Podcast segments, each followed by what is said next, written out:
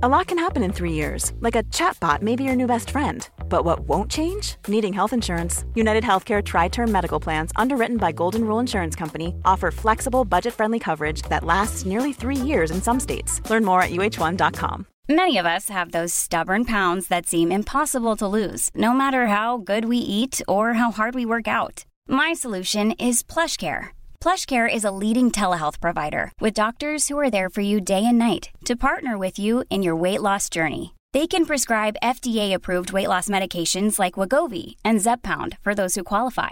Plus, they accept most insurance plans. To get started, visit plushcare.com slash weight loss. That's plushcare.com slash weight loss.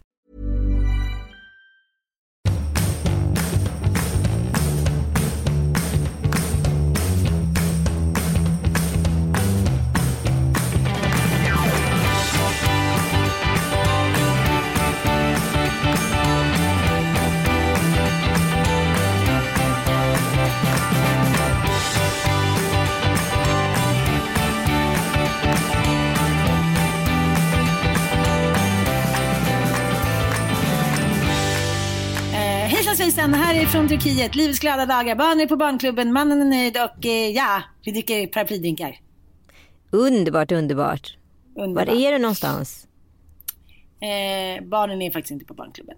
Nej, det gick inget bra Vi hörde får jag. prova lite senare. Vi får prova lite senare. Eh, vi är i Alanya. Härligt. Alanya. Alanya. Vad, vad säger man? Alanya. Alanya. Eh, I Turkiet. Eh, vi är också på klubb med där du var. Men de är ju så det- jäkla bra med barn. Ja. Och schysst också. Eh, För vuxna. Nej men jag tycker att det är väldigt, väldigt skönt när man är så här utarbetad. Man är inte så himla sugen på äventyr. Man är mest sugen på att så här, gå omkring lite och ha det mysigt, äta gott och bada. Mm. Då är all inclusive helt perfekt. Ja, men jag tycker också så här. När man är på semester med barn. Då har man ju helt andra krav och behov. Än vad man har på en semester med sig själv. Eller med bara sin partner. För att då vill man, man har liksom, det, allting handlar ju om att göra det härligt för alla. Då är det ju minsta motståndets lag som gäller. Sen så kan jag se många semestrar som ligger bakom mig som jag kanske har romantiserat i efterhand men som var alltså så jäkla jobbiga. Ja. När man reser runt med tre ungar och liksom 15 väskor eh, i Mexiko. Ja. Allt är bara så här, jag menar alltså vedervärdigt. En natt fick vi bo i ett stall. Det var i och för sig lite som att vi var Jesusfamiljen. Nej men du vet, man tänker så här, på pappret känns det så kul. Åh, då åker vi dit så ska vi känna det äkta Mexico. Vi ska känna det liksom ursprungsbefolkning. Vi ska resa runt, barnen ska få se. Men de är så här ett, två och fyra. Det är inte så här, ett kommer de inte komma ihåg någonting. Och dels så tycker de inte det är särskilt roligt att flänga runt. De gillar den här tryggheten där de går runt. Där är poolen, där är samma frukostställe, där känner man igen servitörerna lite. Där är tjejerna som leker vid poolen. Alltså det är en väldigt trygghet för dem. De är ju faktiskt kristdemokrater. De vill ha en mamma och pappa, ett barn och en liksom lugn och skön semester. Och i och med den lilla passusen där så vet vi vad Ann Söderlund kommer rösta på i val 18. Gud, vad ska man rösta på? Det är ju snart. Jag vet. Nu ska vi inte prata om det. Nej men det där är jättespännande. Nej. Men jag tycker också att det som är väldigt spännande är ju hur mycket man förnekade att man blivit familj för sig själv. Att det är bara ett barn som har adderats. Annars är mitt liv precis som vanligt. Det är bara ett barn som har adderats. Jag kan, jag kan liksom bergsbestiga. Det är inga konstigheter. Man bara sätter barnet på ryggen. Sen går man. Nej, sluta med det. Man sätter barnet på huvudet. Men alltså verkligen så här, sluta med alla sådana tankar. Men det tog ett tag att Åh, fatta jag- att man blivit liksom familj. När man fått liksom ett, två barn. Man ville ju fortfarande leva sitt gamla liv men adderat på två barn. Sen förstår man ju så här när barnen är typ två och ett halvt, tre. Att så här, hej, jag är familj. Det går inte. Men det är det som är så, men det känns som att alla utom de som är så här otroligt grundade och kanske har en super mamma pappa förebild måste gå igenom de här faserna. Och jag kan tycka att det är väldigt lyxigt att eh, jag får liksom revansch. Att nu vet jag att jag behöver liksom inte vara du vet äventyrerskan så här Amelia flygaren Erhard. typ. Alltså förstår du? Utan jag kan säga jag kan bara sitta här och ha det lugnt och det är okej.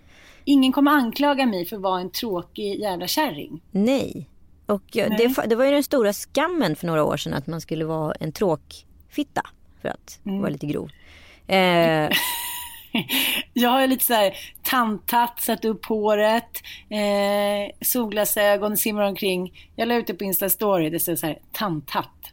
Och det kändes också okej. Okay. Ja.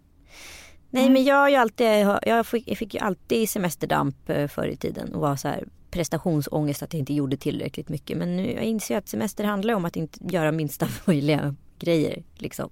För det blir trevligt mm. för alla. Så tar man liksom.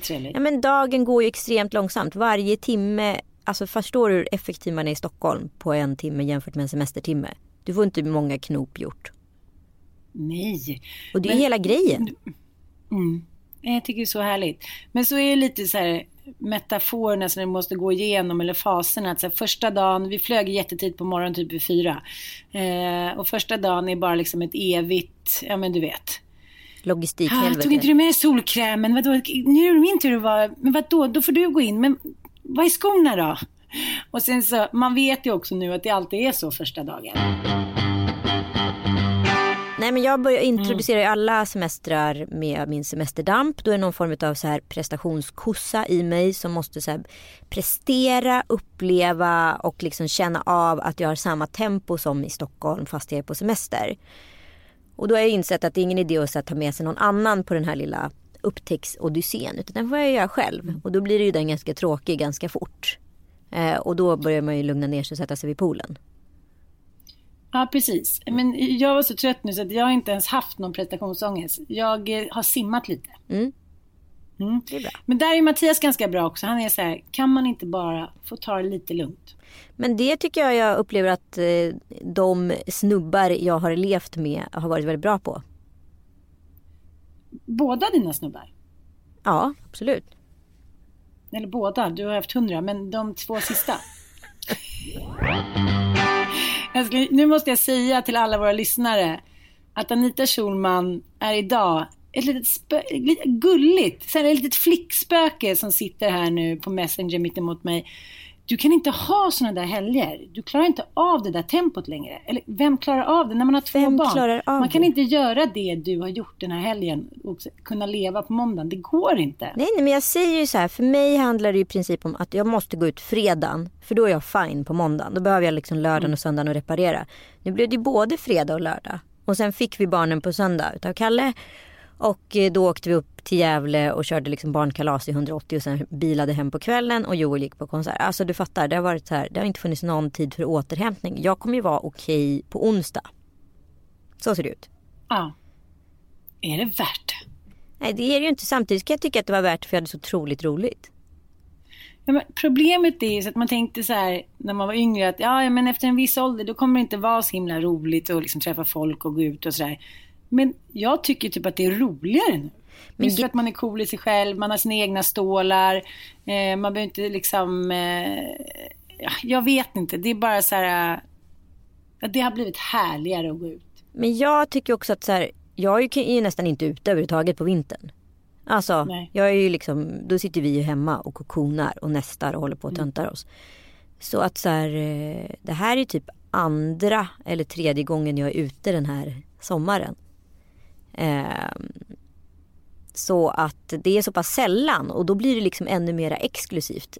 Ja men det var roligt i alla fall. Innan när vi recapade så sa du att eh, ni hade varit ute och sen så hade Daniel Redgert frågat dig någonting om din relation som jag tyckte var lite spännande. För nu är jag lite inne på relationer. Mm -hmm, du bytte ämne där lite snyggt. Ja, nej men eh, det är väldigt skönt att leva med en lugn man som för en gångs skull förstår en cykel och inte ser det som ett absolut hot mot unionen. Så att säga. Oh, It's a war declaration going on. Ja. Mm. Okej, okay, line up the forces. Mm. Som det tidigare varit. Nej men jag får ju en ganska kraftig PMS eh, var tredje månad och sen så är den lite mindre och, och, sådär. Men det som händer vid varje PMS det är ju det jag pratade om tidigare. Det är den här mikropsykosen. Du vet att du kliver in i den men i den är du absolut oförmögen att göra någonting åt den. Och i psykosen så är du också extremt övertygad om att det här du gör och beslutar dig för nu är det enda rätta. Så, ja, ja, ja, det är knivskarpt. Det är knivskarpt. Så en gång i månaden gör ju jag slut med Joel. Mm. Och i början tyckte han att det här var ganska jobbigt. no shit, no nykär. Shit. Man bara, va? Vad var det som hände? Sen så tar det några timmar och sen så ångrar jag mig. Och så blir jag lite kramig och lite ledsen. Och nu vet ju han det här. Så nu är han så här, nu sitter han bara och väntar ut mig. Bara så, Ta det lite lugnt. Vi snackar om det här om en halvtimme. Nej, nu gäller det. Nej, jag känner det. Jag känner det. Nu, nu, nu är det så här. Okej, okay, men vet du vad? Om du går ner och kollar på tv eller liksom jobbar lite så ses vi om en stund. Vad tror du om det? Ja. Och då blir jag ju så, så stressad av att han är så lugn. För då förstår ju jag. Här avmaskerar ju han min psykos. Han, mm. sakta, sakta, sakta så, så här, dras ju rullgardinen upp liksom. Och då förstår jag vad som har hänt och då får jag sån skam och sen så förstår jag, ja, okej okay, det var väl PMS då. Och sen kommer jag upp och så är allting bra. Men måste, får jag fråga? Åt mm. en vän. Vad, liksom, vad anger du för orsaker en gång i månaden att du ska göra slut med honom? Nej men det, det handlar ofta om att det... det är slut. Nej men det handlar oftast om att det byggs upp. Alltså en PMS är ju någonting som pågår under ett par dagar. Men den når ju sin kulmen skulle jag säga. Så det börjar ju med att det är någon form av irritationsmoment. Som då helt plötsligt är jävligt monumental för relationens fortgång. Som har byggts upp. Mm. Eh, så att då Ge har ju den... på det. Nej men det kan vara, fan nu måste jag komma ihåg, vad var det sist nu då? Um... Nej men jag kan, jag kan tolka in olika saker. Det kan vara som jag upplever ansvarsbrist. Egocentri. och så vidare. Dalí. Ja, Salvador ja, jag förstår. Och, ja, det... och då, ska det, då har jag ju belagt bevis för det här och när då PMSen utlöses efter, efter den här ansvarsbristen eller vad det nu är då kommer kulmen. Och den kan ju komma tidigt och den kan ju komma sent. Alltså det, kan ju, det är liksom avhängigt på var i psykosen jag befinner mig. För den, är ju, den sipprar, den är liten och sen blir den jättestor och sen så försvinner den. Ja, och då har han i alla fall åtminstone varit så storsint i sina unga år att kunna läsa av det här. För det har ju faktiskt ingen annan man gjort. Utan då har man ju liksom lined up the forces och då är det war declaration och sen är det liksom fight. Det är väldigt skönt. Gud vad härligt. Säga, måste jag säga att Men... ha någon som har avmaskerat detta. Jag tror också att den största scammen i liksom, historien överlag är att det är oss det är synd om. Det är ju männen det är synd om. Det är fruktansvärt alltså, tänk vad vi, Ja men alltså det är dem det är vardagssynd om. Det är ja. kanske oss det liksom är historiskt synd om. Vi har, blivit liksom, vi har blivit och är våldtagna, lämnade, de går ut i krig, de har slagit oss, vi har blivit instängda. Men rent vardagsmässigt nu i modern tid för oss som lever till exempel i Sverige, Norge eller USA så måste det ju vara ett helvete att leva med oss. Vi håller hela tiden och så här, tar den här feministflaggen så här. No, no, no. Eh, liksom, nu är vi kvinnor, vår, våra kvinnors tur. Och sen håller vi på med de här liksom PMSen, ägglossningen, kropparna. Jag skulle kalla det för det psykologiska kriget. Mm. Det psykologisk, ja, psykologisk krigsföring i 180. Och är du då svag som snubbe och inte så här, mm. kanske är van med en syster eller en mamma som har varit så här tydlig med sin PMS. Då kanske det är jättesvårt att förstå vad som händer en gång i månaden. För hon gör ju faktiskt ja. slut med honom. Precis, och det pågår ju ganska många dagar. Ja. Det är inte så här, woo! Det är inte så att det går över på en timme. Och nej, sen nej, är man ju också liksom lite halvgalen med ägglossningen. Men gud, den är värst tycker jag. Ja. Och den blir bara värre och värre. Jag trodde att det skulle förmildras. Nu är det så här, så här jaha, någon förflyttade två äggberg in i min livmoder. Nej, men det är så konstigt. Grejen? Det är två isflak som så här, åker runt där inne och så slår den mot så här, olika ja andra iskorridorer och, och då tror jag att jag ska dö varje gång. Mm, mm. Men blir du fortfarande lika kåt när du har ägglossning? Nej, inte när jag har ägglossning för då måste jag ta så här verks... Alltså, alltså vad heter det? Förlåt. Då måste jag ta smärtstillande och typ nästan vara hemma. Men det är var mm. tredje månad när det är som värst. Men eh, jag blir kåt som fan dagen innan. Mm. Vi hade en lång och djup diskussion om detta igår. Eh, för Joels mamma var helt övertygad om att det är männen som bestämmer vilket kön det blir på barnen. Det är ju ägglossningen som bestämmer vilket kön det blir på barnen. Eh, Och jag, tog, nej men, jag tog dig som exempel bland annat. Alltså för hanspermier eller mansspermier. De är väldigt snabba men relativt svaga så de lever ju bara i 24 timmar. Kvinnospermier är ju långsammare än männens spermier men de är starkare så de klarar sig upp till 72 timmar. Så om du ligger exempelvis då före ägglossning då kommer ju tjejspermierna kunna hinna in dit. Eh, Det är det jag menar. Alla mina barn är ju ägglossningsbarn. Ja, och det är det jag menar. I och med jag att du har två galen. pappor till dina barn. Så är det så här, din ägglossning är så pass stark så då måste du pippa på ägglossning och då Ja. blir det en pöjk. Så är det ju. Ja men alltså det, det är ju sin, alltså det är nästan Mordor när jag eh, har ägglossning. Jag kommer ihåg när eh, eh, Bobo blev till. Då var ju vi i Andalusien på, eh, på ett skateläger och här. Jag kommer ihåg när Bobo blev till. Då var vi i Andalusien på ett eh, surfläger. Eh, vi var nykära och Mattias skulle då komma efter. Problemet var att det fanns inga rum liksom. Så att han och jag fick då sova på soffan. Och sen så var vi så nykära uppe i varv så att vi gick på någon konstig fest mitt ute i bergen där hos mamma Rosa som fyllde 60 år. Vi sa hej, är vi bjudna? fi, fi, fi, fi, fi. Var det som att komma in liksom i eh, Don Corleones liksom spanska släkt som nu skulle ha middag. Jag dansade spanska danser och det festades på där till gryningen och Mattias satt och kollade på lite och sen gick vi hem och då skulle vi då sova på den här röda soffan. Och då hade jag ju ägglossning och blir, eh, nej men alltså, du vet jag kan bara blunda och känna styrkan i det där. Det är nästan som att så här, sätt på mig eller så kommer jag bita av dig huvudet. Jag är liksom en, eh, ja men förstår du, jag är döda änkan, jag är en spindel, jag är så här och han var så här, vi hade ju bara känt varandra några veckor. Han var så här, okej, eh, okej, eh, upp med dig, upp med dig. Jag bara, stanna där.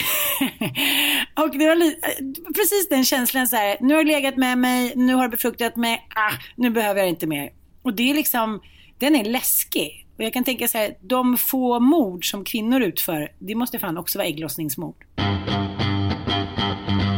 Det finns ju lite forskning om det där. Eh, ja, som jag faktiskt läste om för några veckor sedan. För jag tänkte så här, det måste alltid ske under PMS eller ägglossning. Det, det är sådana styrkor. Så att så här, om man till exempel är svintrött eh, på sin man, som en eh, gammal tjejkompis till mig. Hennes mamma mördade ju hennes pappa för hon tröttnade på all otrohet. Så hon tog ju bara liksom brödkniven när han kom hem efter den 63 otroheten och bara ah, stoppa i, ah, mördade honom liksom. Och då tänker jag så här att det kanske var så att hon hade PMS och då kunde hon inte längre tygla sig. Ja, mycket möjligt. Men de, eh, det har ju också varit en stor, eh, ett stort argument varför man inte skulle kunna ha en kvinnlig statschef exempelvis eller president. Det är ju för att under ägglossning då skulle hon kunna ta irrationella beslut. Och så sätter man Trump där istället. Hon leder av så här kronisk PMS. Hela, han, hela han är en jävla PMS-gubbe. Ja. Ja, men men- då kan man ju välja att så här, tänka att just idag ska jag nog inte ta det här beslutet. utan Jag kanske outsourcar det till någon annan. För man vet ju oftast Ja, när men- ägglossning och eh, PMS kommer dyka upp i månaden. Även om det kommer som Jo, en men- chock för varje gång. Jo men alltså även om det nu inte handlar om, här, om det inte handlar om att man liksom lever kanske i Putin eller någon annan så här stat där man är en väldig härskare så är det ju väldigt svårt att få igenom vad fan som helst. Även om man har PMS. Det är så här, okej det där tycker inte vi var en så himla bra idé så att sån risk tror jag inte det är liksom. Om, Nej. om Hillary Clinton hade, och de flesta är, har ju liksom, åldern är borta. Alltså Ja. de har inte mens längre när de blir president. Precis så är det ju faktiskt. Det är ju inte hon Det som kommer springa in och trycka på nuclear-knappen. Liksom. Ja, nej, Ändå nej. så jävla, jävla sjuk tanke att veta att man har tillgång till en nuclear-knapp när man har PMS. jag ska nyttja det där lite för hårt. Nu trycker jag! Nu trycker jag! Det är en jätterolig sketch älskling. Man bara, nej, nej, jag är sur på någon så bara, Så nära nu, så nära! Lite svårt. Jag måste ju hela tiden hålla Mattias från att ta 63 efterrätter. Alltså han har verkligen problem. ja, men det är ju svårt när man ser det där liksom. ja, men när man ser det efterrättsbordet dignande och man vill ha allting så tänker man så men jag tar lite grann. Och så bara, men det fanns en sån där chokladfondant också. Ja, men ta lite då, ta lite. Och, och så säger hans själ nu också var att han känner sig taskig då när de har stått och gjort så goda grejer.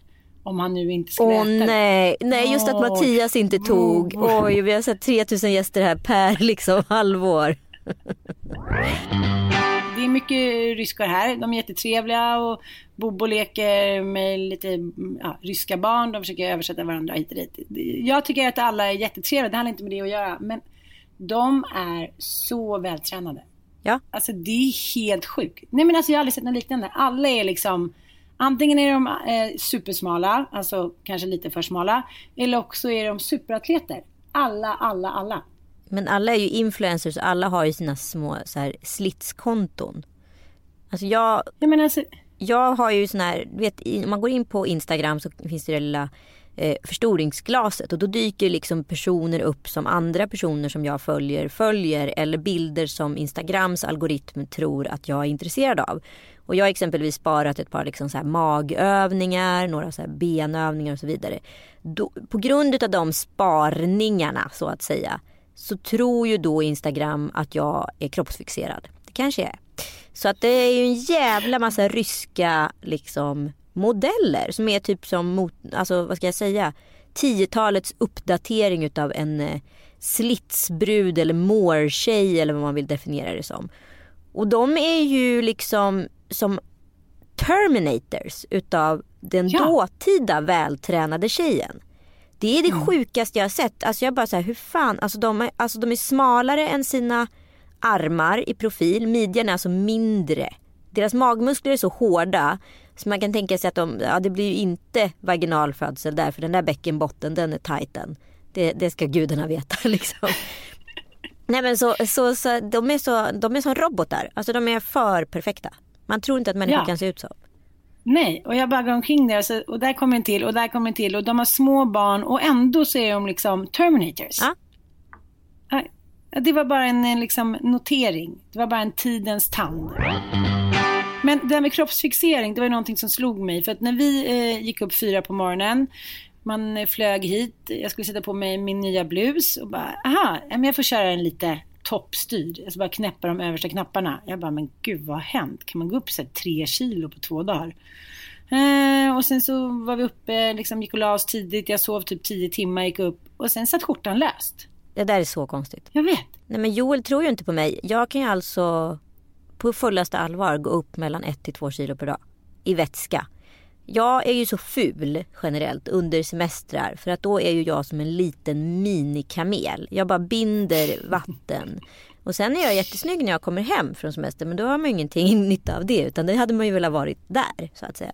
Ja, men det, det är ju ett kvinnligt fenomen. Jag har inte sett det hos någon man. Nej. Men det, måste, det har ju så här, vi har läst någonstans att man går igenom så 27 olika faser typ. Under en liksom menstruell månad.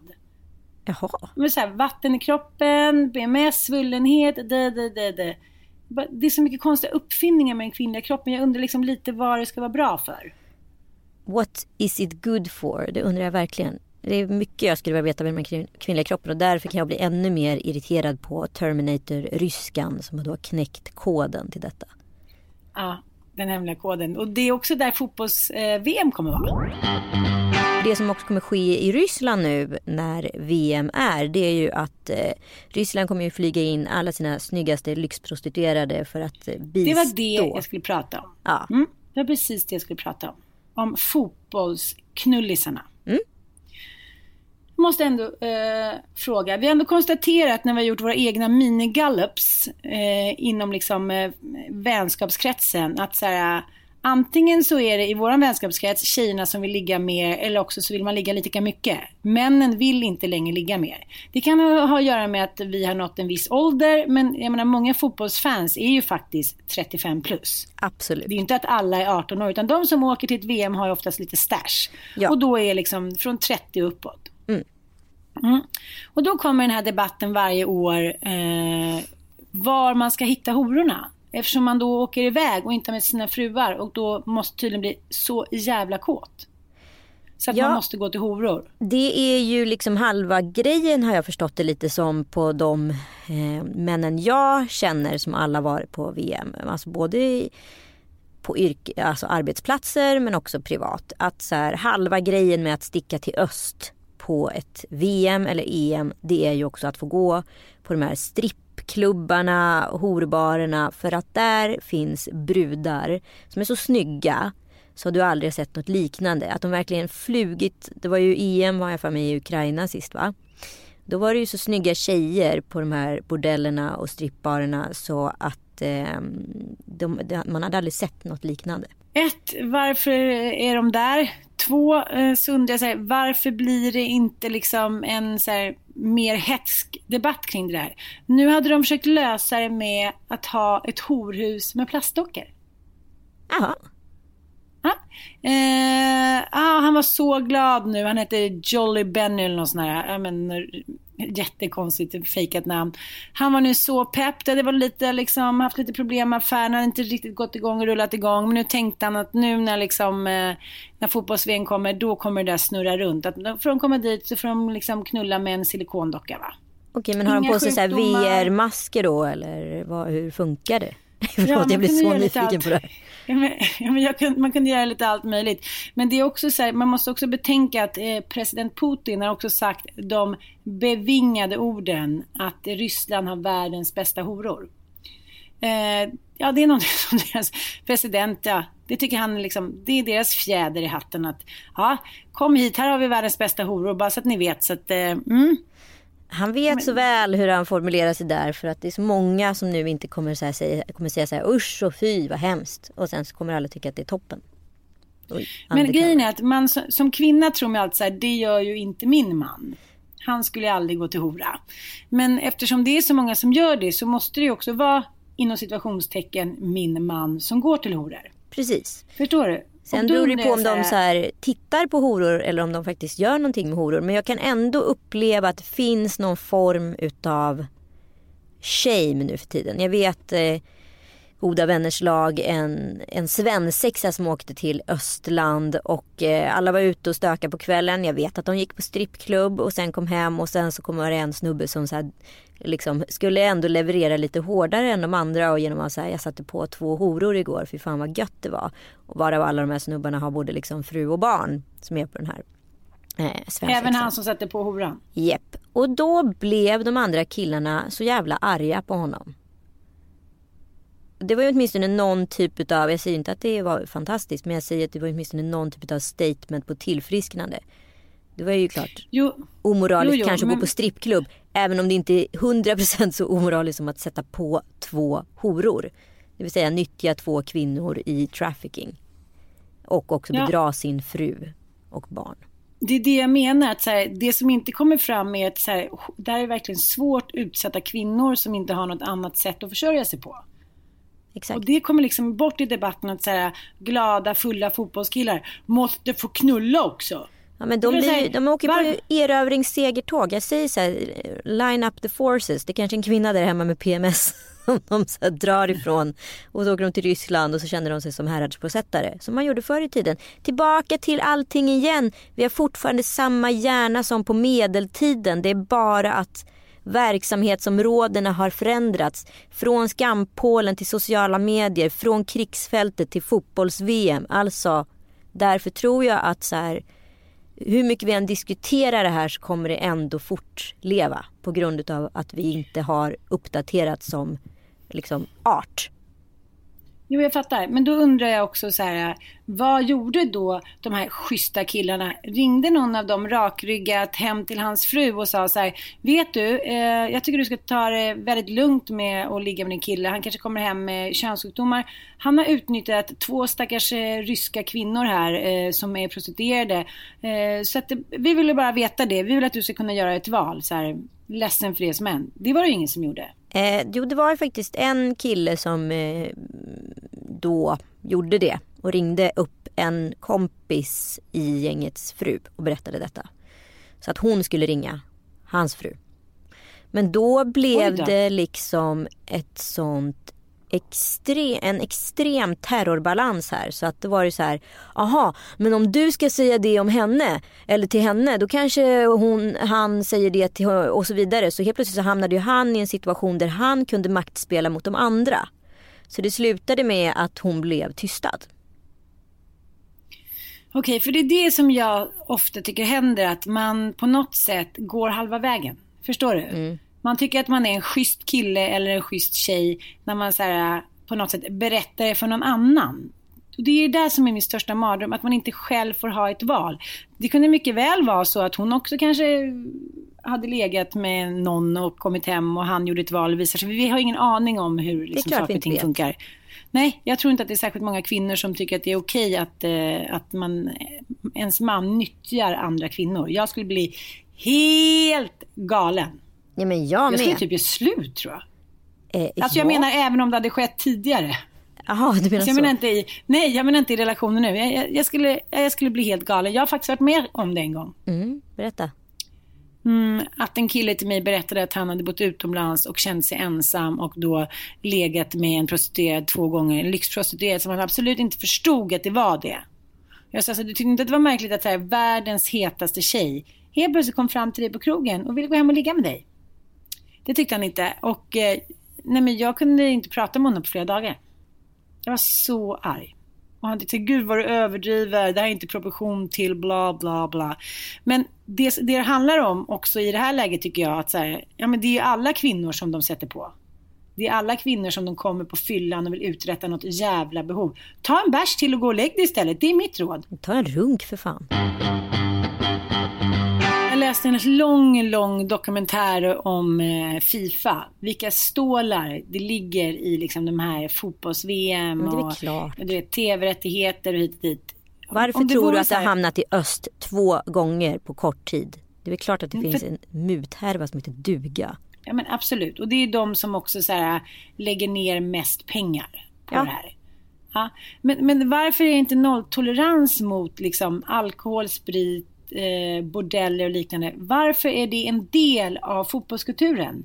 Denna fina sport och där är ingen som är korrumperad och är fortfarande den underbaraste sporten hit och dit som alla älskar. Nej, det är också en jävla skitig sport. Det är ju deras doping. Ja, men också är det väl den sport liksom som kompenserar ja. detta genom att ge mest till välgörenhet. Men då när man ger så mycket pengar till välgörenhet då kommer det också med vissa privilegier, antar jag.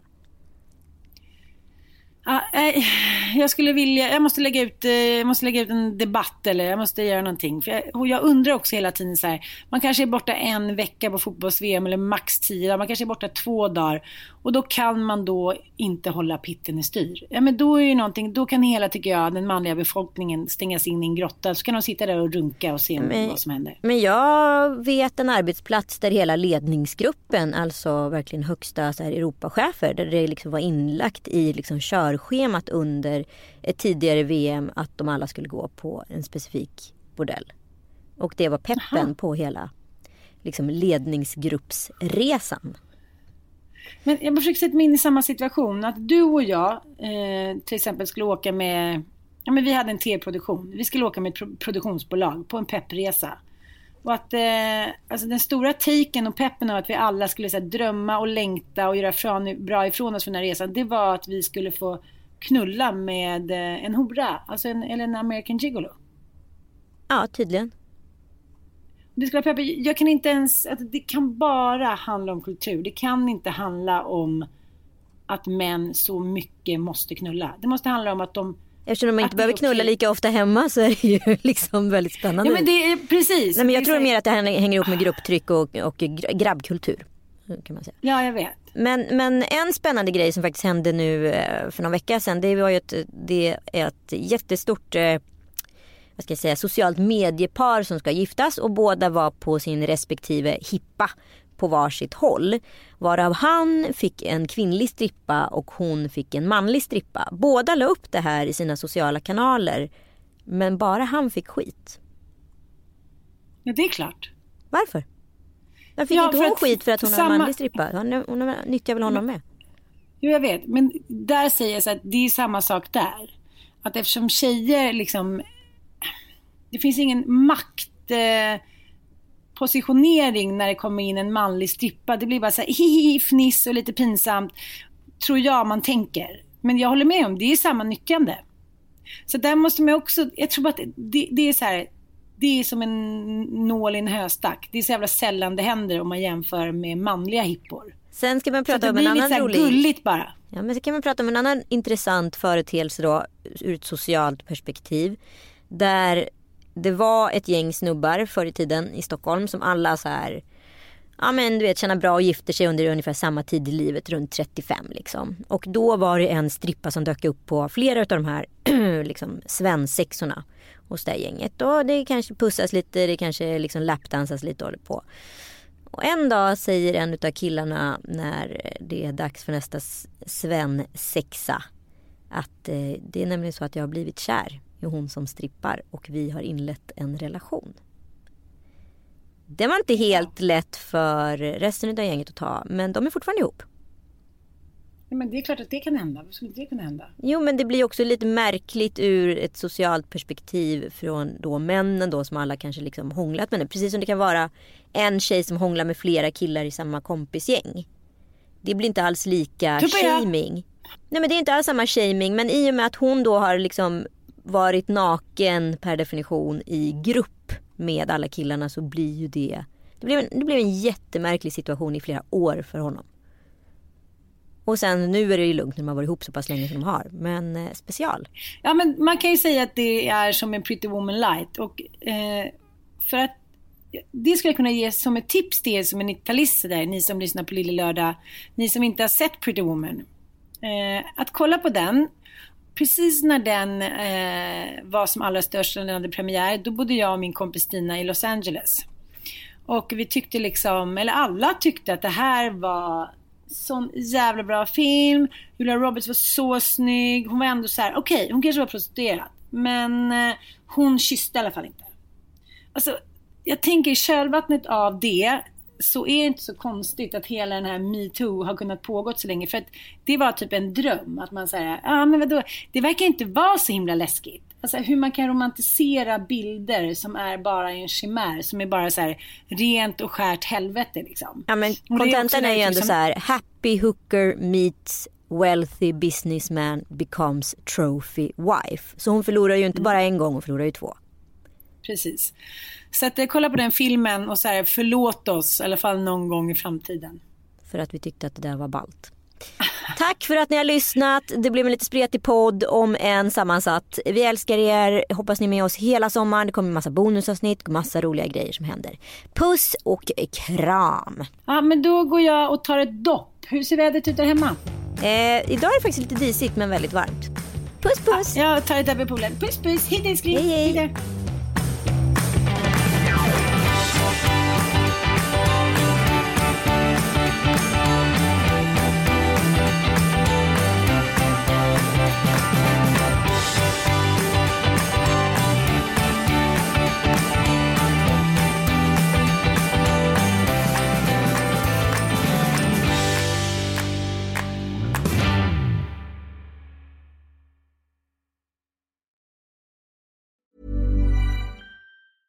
Even when we're on a budget, we still deserve nice things. Quince is a place to scoop up stunning high-end goods for 50 to 80% less than similar brands.